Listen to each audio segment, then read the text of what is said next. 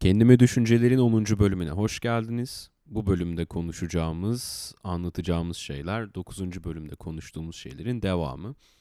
Bu bölümün e, bir bütünlük sağlayabilmesi için, bu bölümde duyacağınız şeylerin bir bütünlük sağlayabilmesi için 9. bölümü önce, sonra bu bölümü dinlemenizi tavsiye ederiz. Buyursunlar efendim. Yine sen kişisel asistanlığı tanımlamadan önce Twitter demişken en son işte sizlerle Beyzalarla falan konuştuğumuz Twitter muhabbetiyle ben de girmek istiyorum. Hı hı. Ee, hatırlıyor musun? Biri şey demişti işte abi kişisel asistanlık zalimliktir. İşte bir sendikası olmalı. Ondan sonra 7-24 köle mi bu falan filan gibi bir şeyler vardı ya o konu hakkında ne söylemek evet. istersin? Ya aslında her şey yalan. Biz köle tacirliği konusunu konuşuyoruz şu anda. ya şöyle hani kişisel asistan önceliklerini zaten tanımladım başta da. Bu bir iş kolu. Yani bunu nasıl bir maden işçisi veya nasıl bir hani gündelik temizliğe giden gündelikçiler gibi ise bu da bir iş kolu. Öncelikle bunu benimsememiz gerekiyor ama burada asıl soru yani o hani köle e, vurgusundan yola çıkarak bu kişisel asistanlığın nasıl dizayn edildiği olmalıdır. Yani e, bu kişisel asistan denen kavram hadi ben bu engelliye bu asistanı veriyorum ne haliniz varsa görün demek değil ki. Yani hani sen benim kölemsin 7-24 yanımda kalacaksın. Ben ne dersem onu yapacaksın. Hayır bu değil. Yani gerekirse 2-3 tane asistan. Yani bahsettiğim gibi bu kavramlar hiç tanınmadığı için ve hiç bilinmediği için tabii ki direkt en kötüsünden ele alınıyor. İşte nedir? Ama sen hala bağımlısın. Nedir? İşte bu köle benzetmesi gibi. Aslında bu ama sen hala bağımlısın cümlesinin altında şey o kadar çok gözden kaçıyor ki ben kendi kararlarımı kişisel asistan sayesinde kendim alabiliyorum. Yani bu da beni aslında bağımsız şey bağımlı yapmıyor, hizmet alan yapıyor. Yani Kesinlikle öyle. Sen aynen. nasıl e, hani bugün et yemek istediğin için kasaptan gidip et alıyorsan, kendi karar verdiğini hani başka bir kişiden hizmet alıyorsan ki sen gidip de işte yiyeceğin hayvanı avlayıp kesecek durumda da değilsin. Yani hani nüfusun kaçta kaçı öyle. Hı hı. Onun için hani bu da aslında ama sen de bağımlısın gibi bir olay değil. Bize gösterilen hani engellinin biraz sonra değineceğim zaten tamamen aileye bırakılması olduğu için hani ama hiç şey düşünülmüyor yani e, bir engelliye bakan işte kimdir? Annesidir. E, eğer ileriki yaşta bir engelliyse e, çocuklarıdır. Yani o çocuk ve annenin tırnak içinde köleleştirilmesi ne? Yani onu köle yapan o zaman zaten e, sosyal e, güvenlik hizmetinin kendisi. Yani olmayan sosyal güvenlik. Sosyal güvenlik olmadığı için, o sosyal güvenlik bir kişisel asistanı karşılamadığı için asıl köle olan o engelliye destek veren annesi. Aynen. Ve bu arada bu sebepten dolayı yani 7-24 çocuğuna, kocasına, her kimse illa kadın olmak zorunda da değil yani aile bireylerinden engelli olan kişiye sürekli bakım vermek durumunda kaldığı için depresyona giren insanlar var.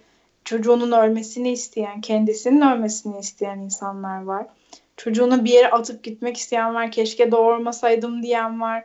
Yani aslında çok basit bir şeyle hallolabilecekken zor durumda kalan ve bunun işte ne kadar eziyete dönüştüğünü deneyimleyen bir sürü insan var yani. Ve işte bunun da en e, yani sürekli güncellenen örneği de otizmli anneleri.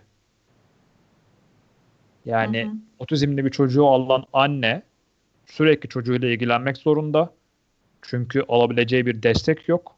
Ve anneler doğal olarak kendini sosyal hayattan kısıtlıyor. Ve maalesef yine çok aramızda konuştuğumuz başka bir konu. Bu annelerin büyük bir bölümü de çözümü bakım kurumlarında görüyor.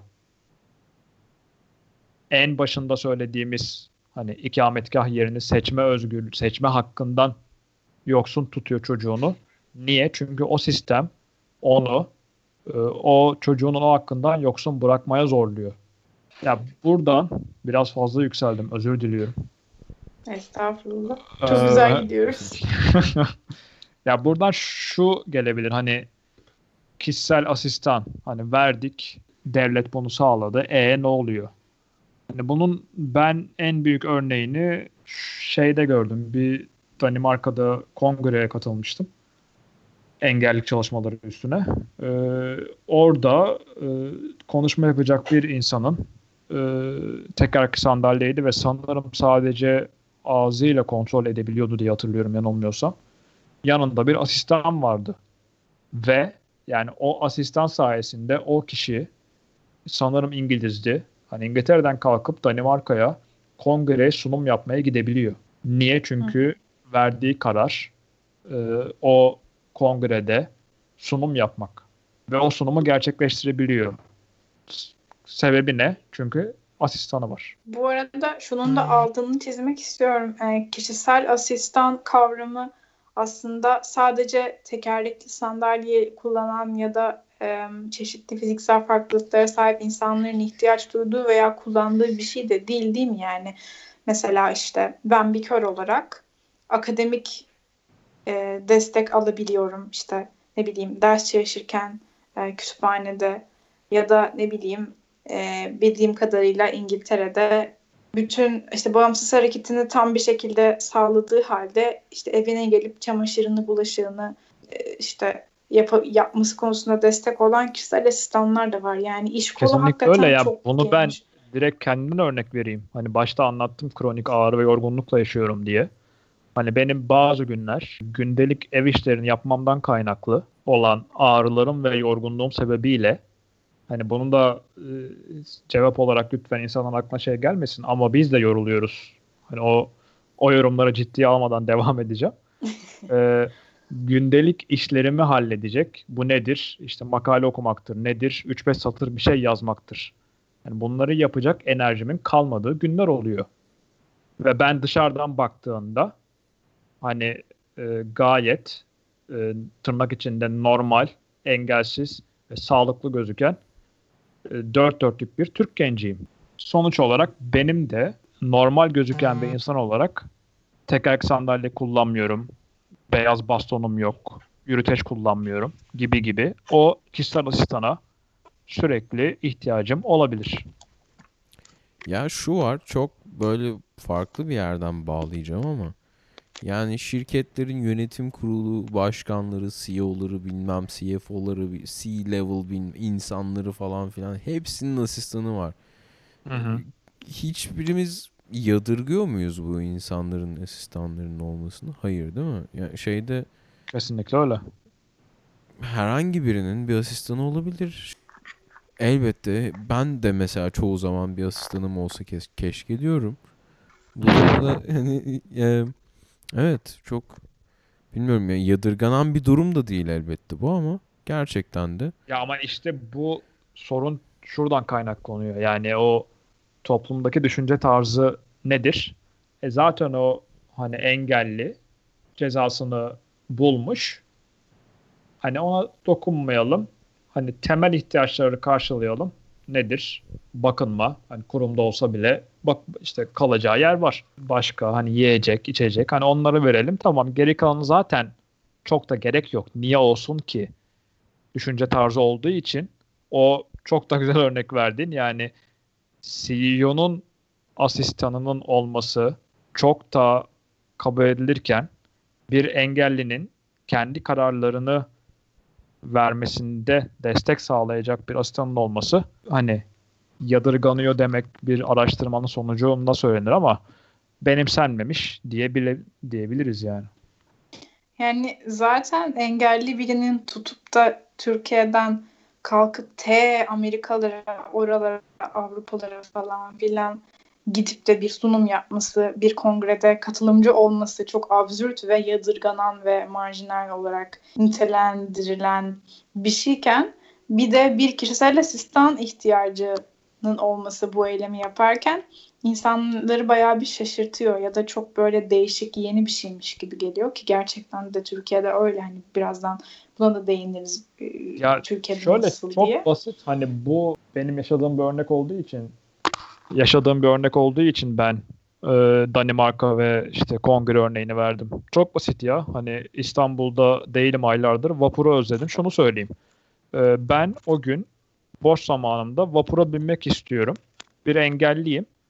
O asistanın bana destek sağlayarak eğer desteğe ihtiyacım varsa beni vapura bindirmesi kadar basit bir konuda olabilir. Hani burada tamamen işte hani verdiğin ve e, vermek istediğin kararın gerçekleşmesiyle ilişkili bir durum var. Bu arada aklıma şey geldi. Bizim Engelsiz Pedal Derneği'nde kullandığımız cümleler, e, dil ve jargonla alakalı bir şey.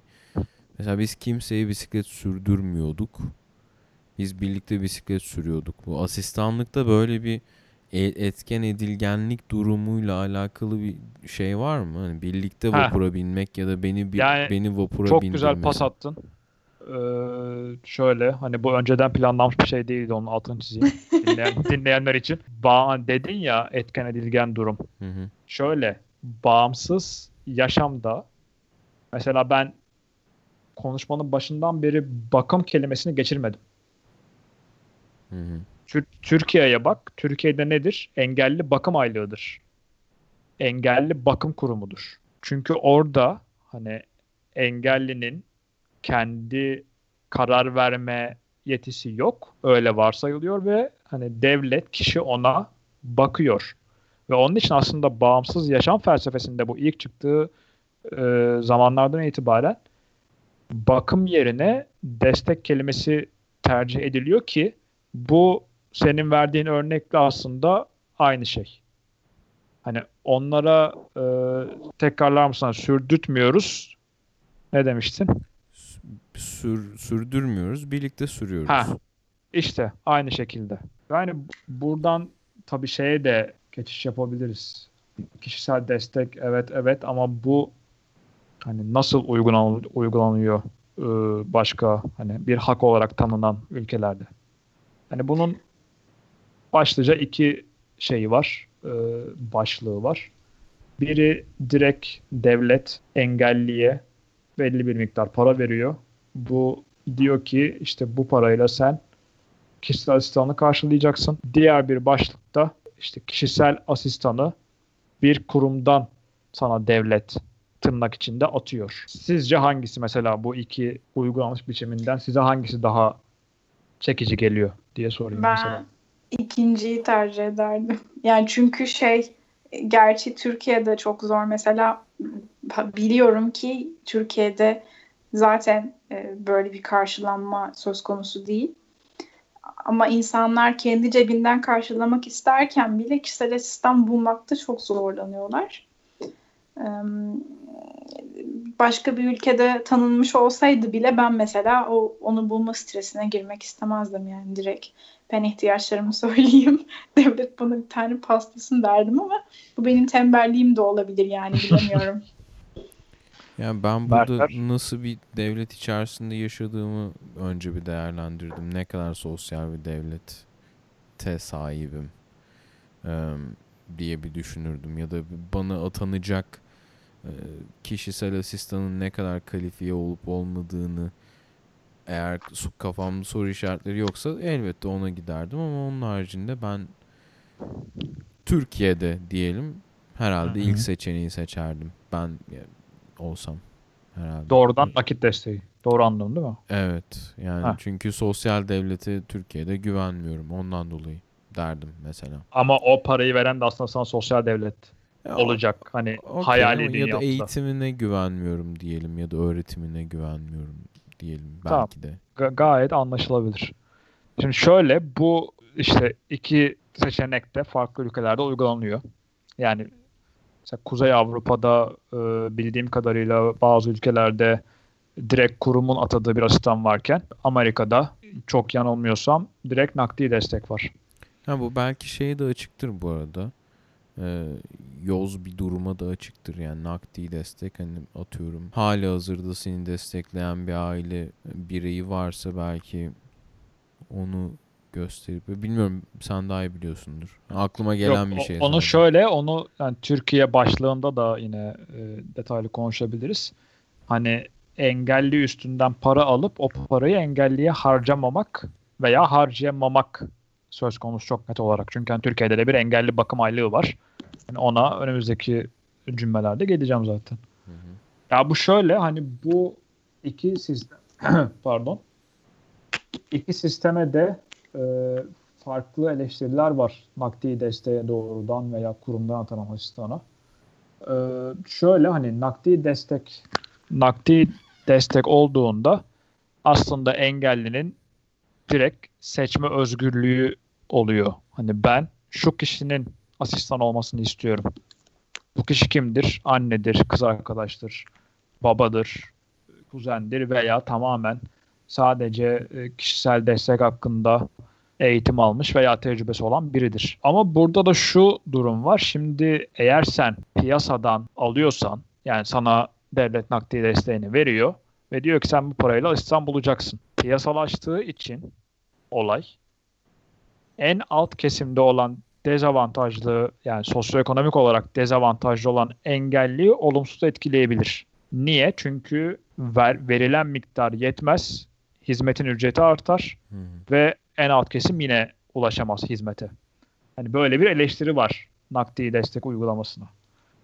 E bir de şöyle bir durumda olabilir. Nakdi desteği veriyor. Hani az önceki suistimal örneğinden yola çıkarak. Para alarak sadece annenin kişisel asistan olarak kullanıyor ama o anne hani e, hala evde, hala bir özgürlüğü yok ve hala engelliyle uğraşıyor. Uğraşıyor dediğim tırnak içinde tabii ki. Bir Yani- yandan da kimlik çatışması var değil mi? Yani aslında annenin kişisel asistan olarak kullanılması bir yandan da karar mekanizmasını da etkiler. Mesela az, anlattım ya az önce işte otelde bilmem nereye gitmek istiyorum ve ben şu an yoruldum diyor annen. Annene bir şey diyemezsin mesela falan. Kesinlikle öyle. E yine e, hatırlarsın belki Benay, yani Merter sen de izlediysen e, hatırlarsın.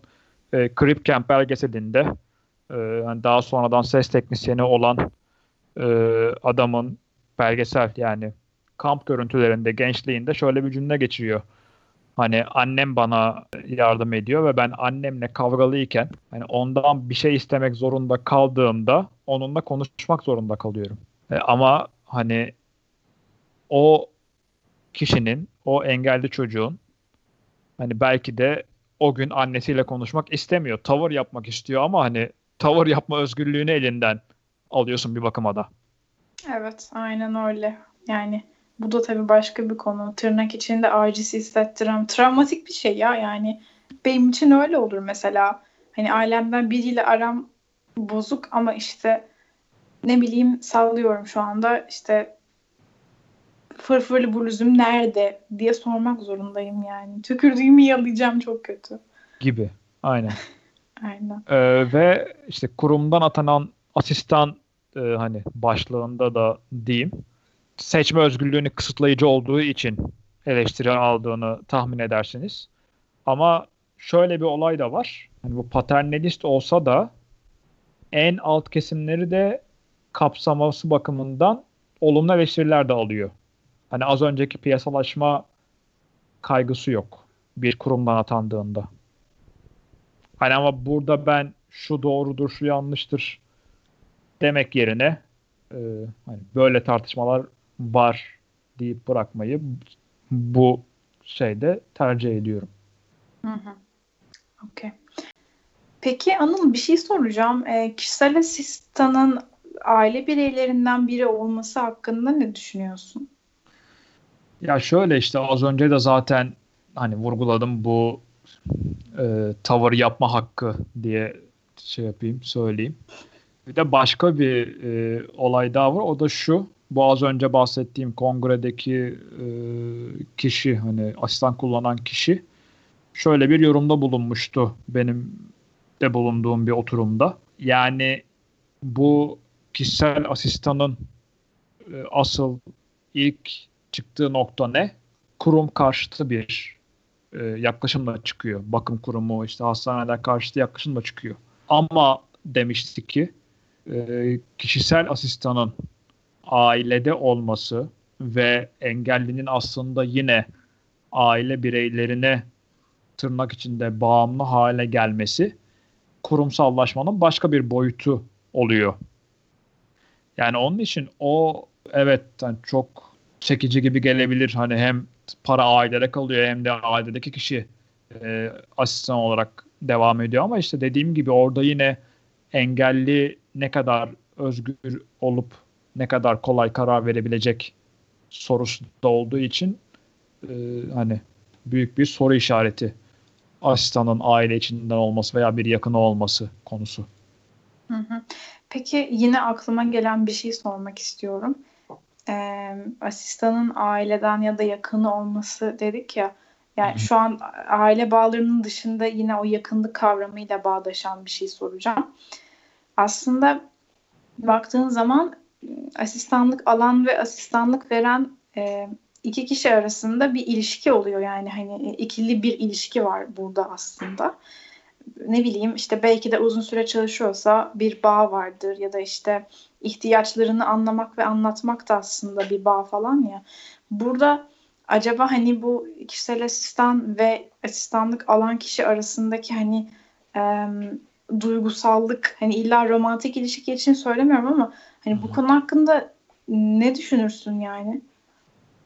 Ya şöyle ben hani yine kendimden örnek e, vererek aslında bağlayabilirim bunu. İşte lisans dönemimi ve yüksek lisansta gerektiği zamanlarda e, klasik sınavları ben e, asistan desteğiyle araştırma asistan, araştırma görevlisi desteğiyle geçtim. İşte ben söylüyordum, o yazıyordu.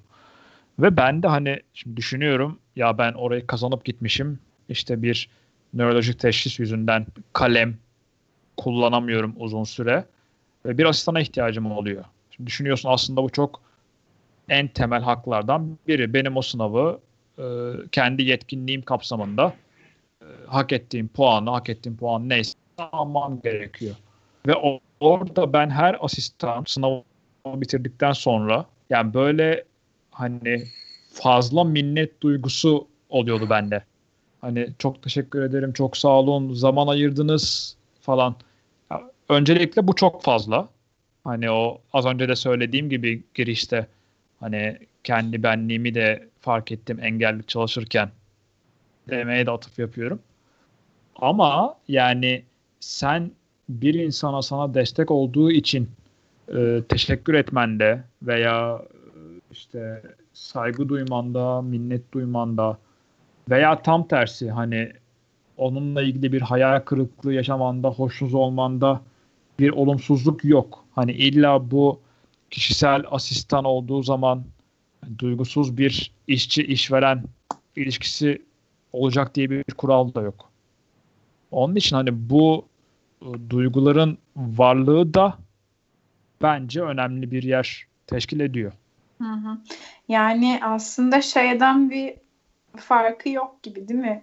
İşte e, markette kasada çalışan bir arkadaşa şey demiyoruz değil mi? Ya işte nasıl uğraştın sen de tek tek taradın şeyleri poşetlememe yardım ettin. Çok teşekkür ederim. Ne kadar iyi bir insansın sen. Çok mahcup oldum falan filan gibi bir şey demekten ziyade hani profesyonel bir kibarlıkla teşekkür ederim kolay gelsin diyoruz. Çünkü o onun işi yani şeyden yola çıkıyorum aslında. Yani bir şeyleri ne çok fazla abartmak gerekiyor. Ne de hani insanın sonuçta hepimiz. E, çok da böyle duygusuzluk da yapmamak lazım ama e, gözlemlediğim kadarıyla e, birçok insanda ben de dahil olmak üzere engellilik e, temelli bir yardım aldığımızda ekstra bir minnet duygusu falan var ama hani o insan da orada işini yapıyor. Sen de işinin yoluna girmesi için ondan destek alıyorsun. Çok doğal bir şey o yüzden. Olayı melekleştirmeye, abartmaya falan da gerek yok yani bence. Aynen öyle. Ama hani belli bir seviyedeki e, ne diyeyim hani minnet e, çok güçlü bir kelime ama mutluluğunu belirtmen de gayet hani o e, işçi işveren e, duygusuzluğunu kıran bir cümle olabilir mesela. Aynen. Yani takdir ve teşekkür zaten bütün iletişim kanallarında çok önemli falan deyip temel iletişim dersine buradan giriyorum. Evet. Peki. Ee, o zaman sanırım podcast'i bitirmeden önceki son sorumuzu sana yönelteceğim. Aha.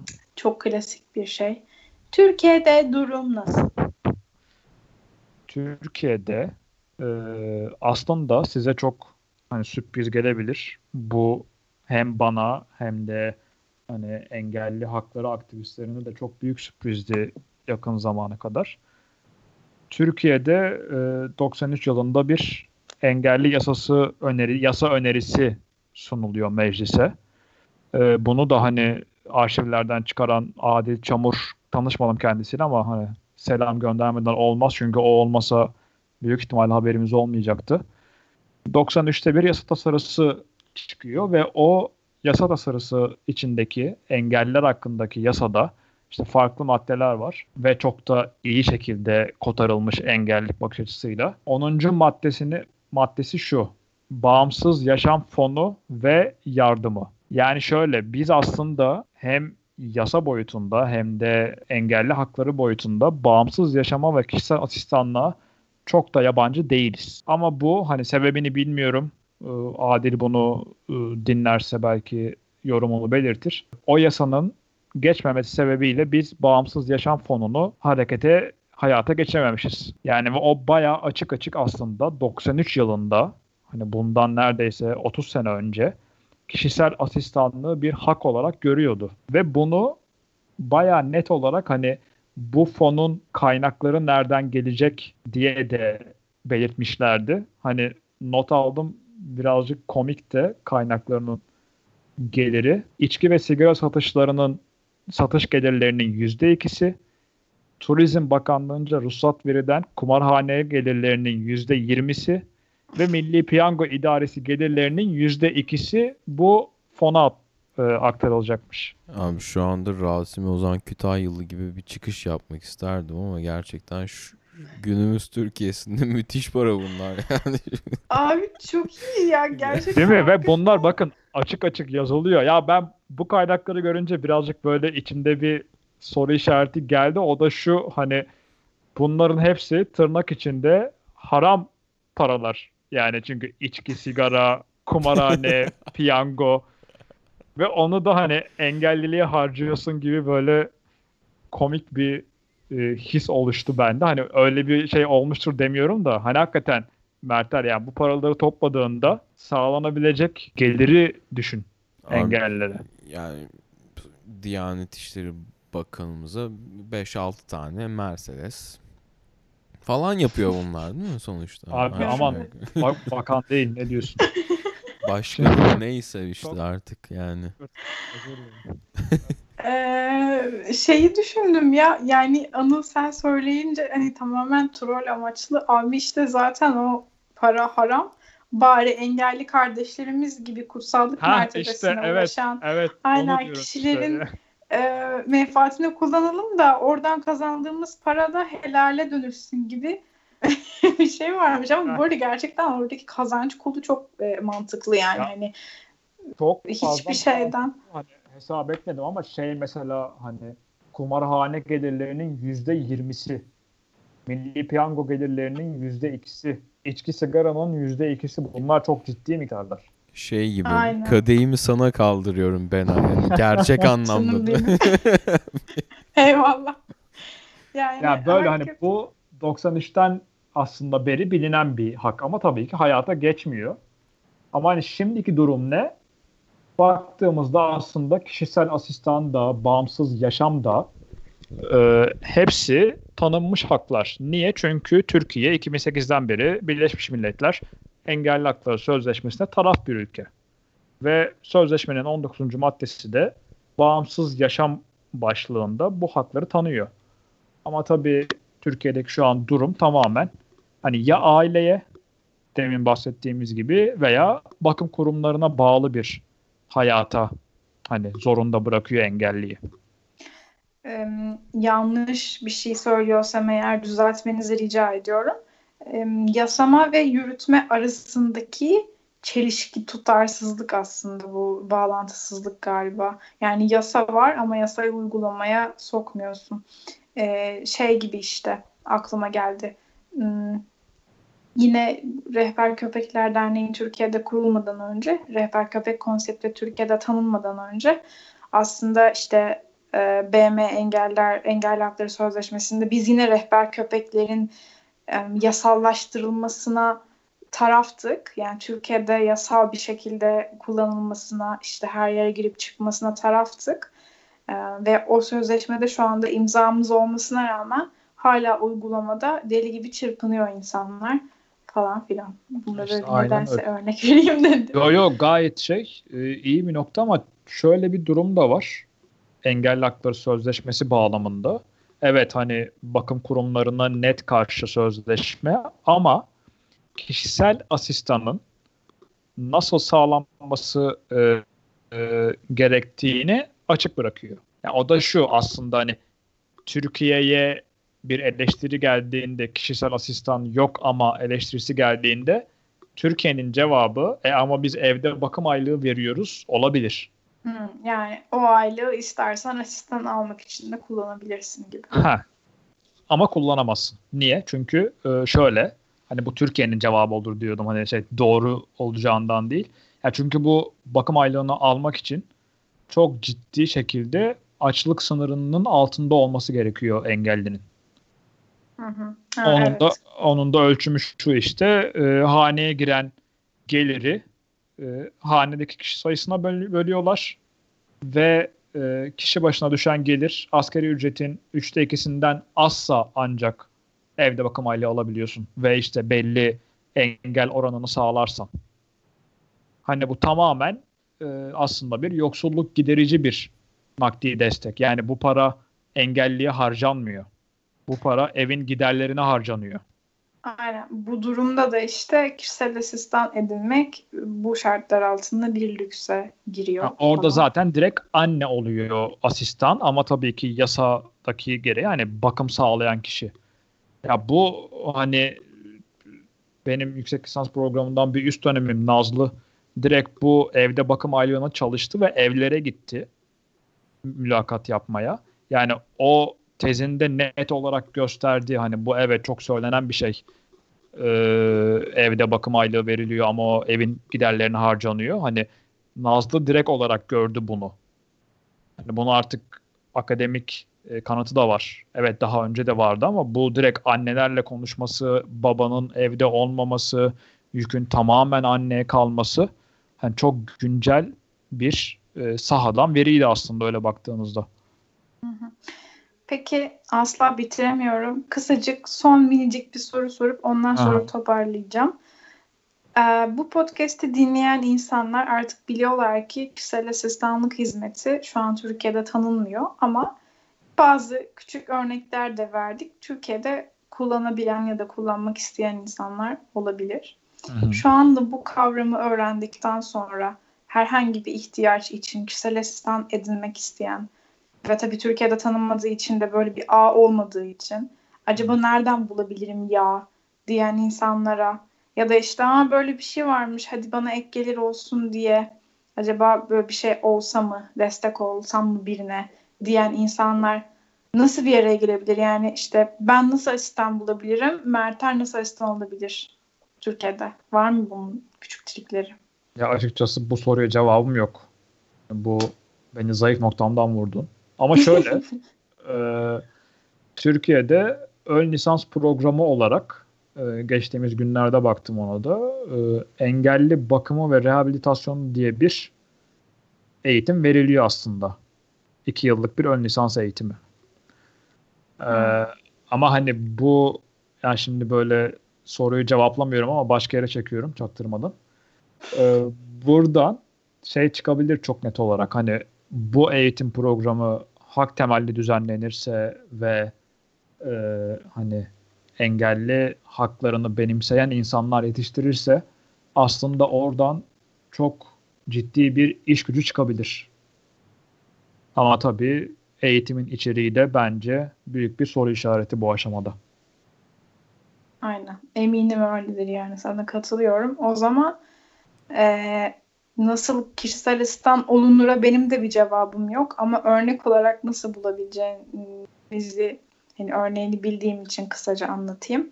Genelde insanlar bunu e, şu anda resmi olarak başvurabilecekleri bir kurum ya da bir ağ olmadığı için sosyal medya aracılığıyla yürütüyorlar.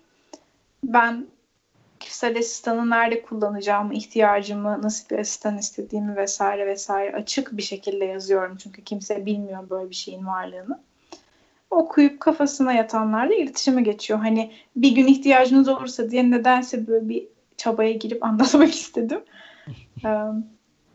falan filan. O zaman e, podcastimizin sonuna gelirken Anılcım sana hem katıldığın için hem fikirlerini paylaştığın için çok çok çok çok teşekkür ederiz. Teşekkür ben teşekkür ederim. Evet. Çok çok keyifli oldu gerçekten. Umarım dinleyenler de e, keyif alır ve umarım çok hızlı konuşmamışımdır. Harika konuştun. Muhteşem konuştun. Teşekkür ediyorum. Sağ olun. İlk deneyimimde. Çok sevindim. Biz de çok sevindik sen konuk olduğun için. O Umarız zaman... devamı da gelir. Aynen. Herkese verdiğimiz gibi sana da sonra tekrar görüşmek üzere diyoruz. Söz veriyoruz. Aynen, yine gel diyoruz. Hep buradayım. Evet. Teşekkür ediyorum. Süper. Biz teşekkür ederiz. Ve o zaman diyoruz. Evet. Kendinize iyi bakın. Hoşçakalın. Esen kalın. Bizle kalın.